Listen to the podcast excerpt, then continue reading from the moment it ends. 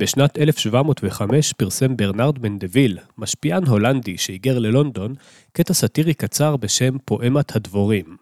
הסיפור הקצר הזה תיאר כוורת דבורים שבה כל דבורה דאגה לאינטרס האישי, המיידי והצר שלה, ויחדיו שלל האינטרסים הרכיבו כוורת גדולה ומתפקדת. עד שיום אחד החליטה מועצת הדבורים שעליהן להיות מוסריות ולאמץ ערכים ומנהגים שהם לא רק משרתים את האינטרס האישי של כל דבורה ודבורה. Long story short, זו הייתה תחילת סופה של הכוורת המתפקדת. מנדוויל אימץ תיאוריות פילוסופיות של פילוסופים גדולים שאמרו את זה עוד לפניו, כמו תומאס הובס למשל, לפיהם האדם הוא אגואיסט הדואג רק לעצמו, אך בסיפוק תשוקותיו הוא תורם לטוב הכללי. ניתן לזה דוגמה ישראלית. כשעומר אדם רוכש מרצדס חדשה במיליון ושש מאות אלף שקלים, הוא מפרנס את יבואן הרכב, שמשלם למנהל הסוכנות, שמעביר משכורת וגם בונוס על המכירה למנהל המכירות, שיקנה בזה טלוויזיה חדשה. ומתקין הטלוויזיה יסיים את היום המוצלח הזה בבר, וישלם טיפ לברמן, אבל הוא גם יבקש ממנו להשמיע את השיר החדש של עומר אדם. הספר השקעות לעצלנים הוא ספר פרקטי שמלמד איך להשקיע בפשטות בשוק ההון לאורך שנים רבות. אבל חשוב לזכור שכל אדם שמשקיע, הוא בעצם הופך להיות ברגע בעל הון, שרוכש מניות בחברה שפועלת ב ecosystem עסקי. ככל שהמדינה תפריע לחברות לייצר רווחים, כך מצבם של כלל האזרחים ייפגע, ממש כמו בפואמת הדבורים של ברנרד מנדוויל. זו האג'נדה שלי, האישית. בזה אני מאמין. ועל זה ראיינתי היום את דוקטור הלל גרשוני, שפרסם ממש עכשיו ספר שנקרא כסף של אחרים, על הסכנות הגדולות בכלכלה סוציאליסטית וריכוזית, בניגוד לכלכלת השוק החופשי, שאותה אני, כמו שאתם כבר הבנתם, מאוד אוהב. אני אתנצל מראש, בגלל שספרו של גרשוני יצא ממש עכשיו אל האור, ובגלל המרחק הפיזי בינינו, רציתי לראיין אותו ללא דיחוי, ולכן הראיון בוצע טלפונית. עשיתי כל מה שאני יכול כדי לשפר את איכות הסאונד, אבל אין מה לעשות, זה לא כמו הקלטה באולפן. אתם תהנו מהתוכן של הדברים, אני מבטיח, ותשתפו אותי על המחשבות שלכם בתגובות לפרק. פתיח ואנחנו מתחילים.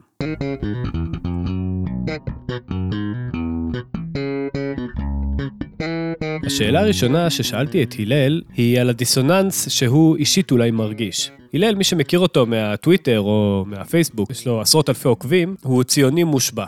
עכשיו, יבוא פוליטיקאי או פקיד ממשלתי ויגיד, אה, אני משקיע את הכסף בכחול לבן, מה הבעיה שלך עם זה?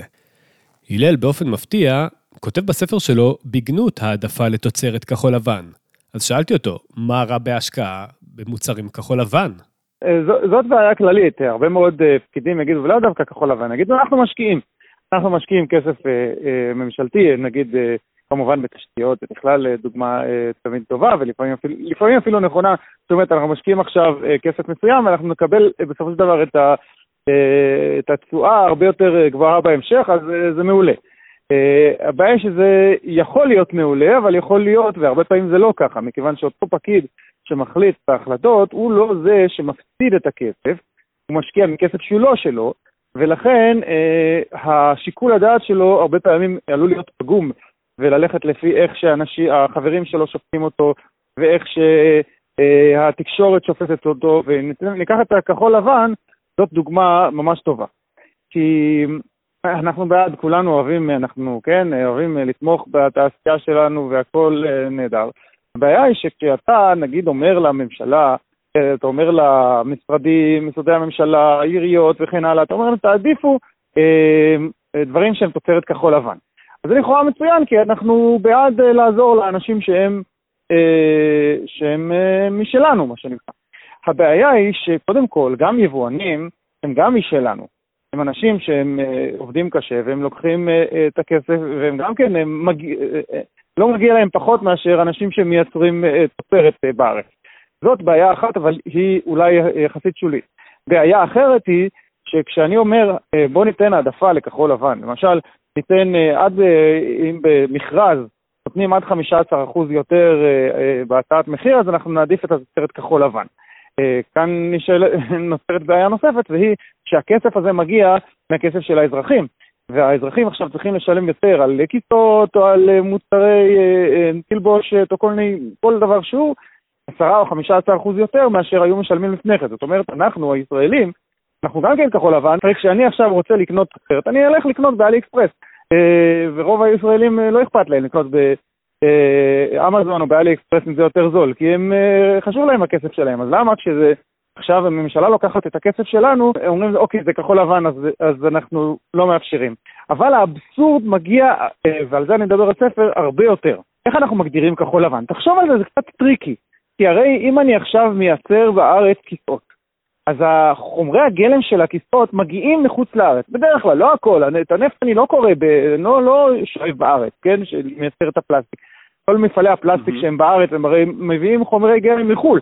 אז יש הרבה מאוד דברים שהם מחו"ל. אז מתי זה נחשב תוצרת הארץ ומתי לא? זה הרי לא דבר שהוא אפשר אה, לקבוע בו מס מראש. אז בואו נעשה אחוזים, ככה אמר החוק.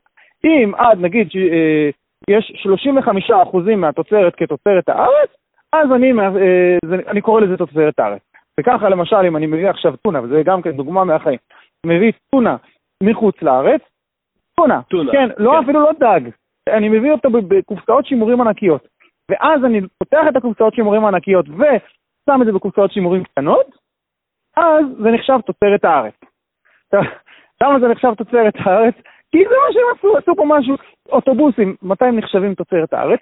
מביאים את המרכב לארץ ומרכיבים את זה בארץ. זאת אומרת, אוטובוסים כאילו הם מיוצרים כאילו בארץ, כשבעצם מביאים את כל החומרים, את כל השלדה ואת כל התכנון ואת הכל לארץ, ואז עושים את זה בארץ. כמובן יש איזה שתי חברות בארץ שמאוד מאוד נהנות מהדבר הזה, ועושות אה, ממש לוביזם אה, מאוד חזק בשביל שיאפשרו להם לעשות את זה וייתנו להם העדפה על פני פשוט להביא אוטובוסים מסין או מאירופה כמו שהם. מה שגרשוני כותב בספר זה בעצם שכל שטיק שהמדינה תמצא כדי להקשות על פרטיים, על יזמים או על חברות, אותם אינדיבידואלים או גופים עסקיים בעצם יצליחו בסוף להתגבר עליה. המצב שזה יוצר הוא שהמדינה בעצם מיטיבה עם החזקים, עם אלו שמצליחים להתגבר על המכשולים האלו, ומקשה על המתחילים, על החלשים ועל הקטנים.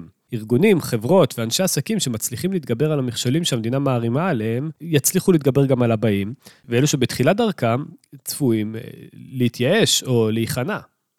האבסורד הוא שאם נגיד חומרי הגלם שלי, אני לא מגיע ל-35% מתוצרת הארץ. כן, זה לא מגיע ל-35% מהמחיר. אתה יודע מה אני יכול לעשות? אני יכול להעלות קצת את המחיר. כי איך זה הולך? זה הולך, אם עד אחוז מסוים הוא תוצרת חו"ל, כל השאר נחשב תוצרת הארץ. זאת אומרת שאם אני מעלה את המחיר, אז יש לי יותר אחוז שהוא תוצרת הארץ, כי זה משלשל לכיסי, ואני גם כן תוצרת הארץ. זאת אומרת, אתה עכשיו דוחף אנשים, אתה מעודד אותם, להעלות את המחיר במכרזים, בשביל שזה ייחשב תוצרת הארץ. האבסורד פה הוא באמת uh, מדהים. יש הרבה פעמים שילוב בין שתי קבוצות. קבוצת אחת היא קבוצת התמימים, שהם uh, מנסים לקדם דברים שהם נראים להם יפים כמו אה, כחול לבן, או אה, ירוק, או כל מיני דברים מהסוג הזה. קבוצה שנייה היא קבוצת האלה שממש ממש ייהנו מזה. למשל, העלאת שכר המינימום, יש אה, קבוצת מינימום 40, כל מיני פעילים כאלה נלהבים שמאוד מאוד נהנים ככה, שהם עושים משהו טוב. ויש החבר'ה שממש זה עוזר להם. למשל, בשכר המינימום, זה עוזר, אנשים לא יודעים את זה, זה עוזר להרבה מאוד אנשים שהם מדורגים גבוה מאוד במשק, מקבלים משכורת מאוד גבוהה ממשלתית, אבל בגלל מבנה השכר המעוות של מדינת ישראל, יש להם דבר שנקרא השלמה לשכר מינימום. זאת אומרת, יכול להיות שהם מרוויחים 18,000 שקל, 20,000 שקל, עדיין מקבלים תוספת שנקראת השלמה לשכר מינימום, כי כל, חלק גדול מה, מהשכר שלהם זה שכר שהוא אה, של תוספות. ולכן אה, התוצאה היא שיש להם אינטרס מאוד חזק בשביל להעלות את שכר המינימום. אז יש פה השילוב בין האנשים התמימים לבין האנשים האינטרסנטים. אם אנחנו עכשיו נתפכח קצת מהתמימות שלנו, אז האינטרסנטים יש, פחות, יש להם פחות סיכוי לקבל את התוספת הזאת שהם מאוד רוצים. נשאלת השאלה, בעצם אם כל המחירים עולים, והכלכלה מצליחה, יש הייטק וכולי, ומחירי הדיור כמובן עולים, אז האם זה לא יותר הגיוני להעלות גם את שכר המינימום? הרי הכל יותר יקר, אז שגם עובדים יהיו יותר יקרים. מה קרה? הלל מספר בספר, כסף של אחרים, אה, על סיפור שקרה בחברת ורדינון. אם זה מוכר לכם ואתם לא בדיוק מזהים מאיפה, זו חברה של מצעים, חברת טקסטיל ישראלית. בוורדינון הייתה מחלקת מכירות, שבה, כמו בהרבה מחלקות אחרות, המוכרים הטובים תוגמלו בבונוסים. זו שיטה מקובלת ולא הם המציאו אותה. אבל כשהתקבלה החלטה להעלות את שכר המינימום, המנהלים של המפעל אמרו, אוקיי, תקציב המכירות שלנו לא יכול לגדול, אין לנו כסף שאין לנו. לכן, אם שכר המינימום עולה, זה אומר שהבונוסים יורדים. אין מה לעשות, אי אפשר uh, להגדיל את העוגה ככה סתם. המצב שזה עצר הוא ששכר הבסיס של סוכני המכירות גדל, אבל הבונוסים קטנים. בעצם, מה שקרה למעשה, הוא שהמוכרנים, אנשי המכירות הבינוניים, הרוויחו, ואלו הטובים יותר הפסידו. עליית המחירים הרבה פעמים נובעת בין השאר מזה שמעלים את שכר המינימום, אחרי כמה שנים. כי כשאתה מעלה את שכר המינימום בחברות, שנגיד, תחשוב על חברה שמעסיקה עשרות אלפי אנשים שהם בשכר דומה לזה. אתה צריך להעלות להם את השכר, אתה צריך להעלות את השכר, אתה צריך בסופו של דבר גם להעלות את המחירים. אין לך כל כך ברירה. אז יש פה איזה מין אה, גלגל שסובב בעולם. תראה שכל הזמן מעלים ומעלים ומעלים את שכר המינימום, כאילו מנסים להדביק את, ה, את העליות של המחירים, אבל זה גם מה שגורם לעליות של המחירים לעלות. אז זה דבר אחד.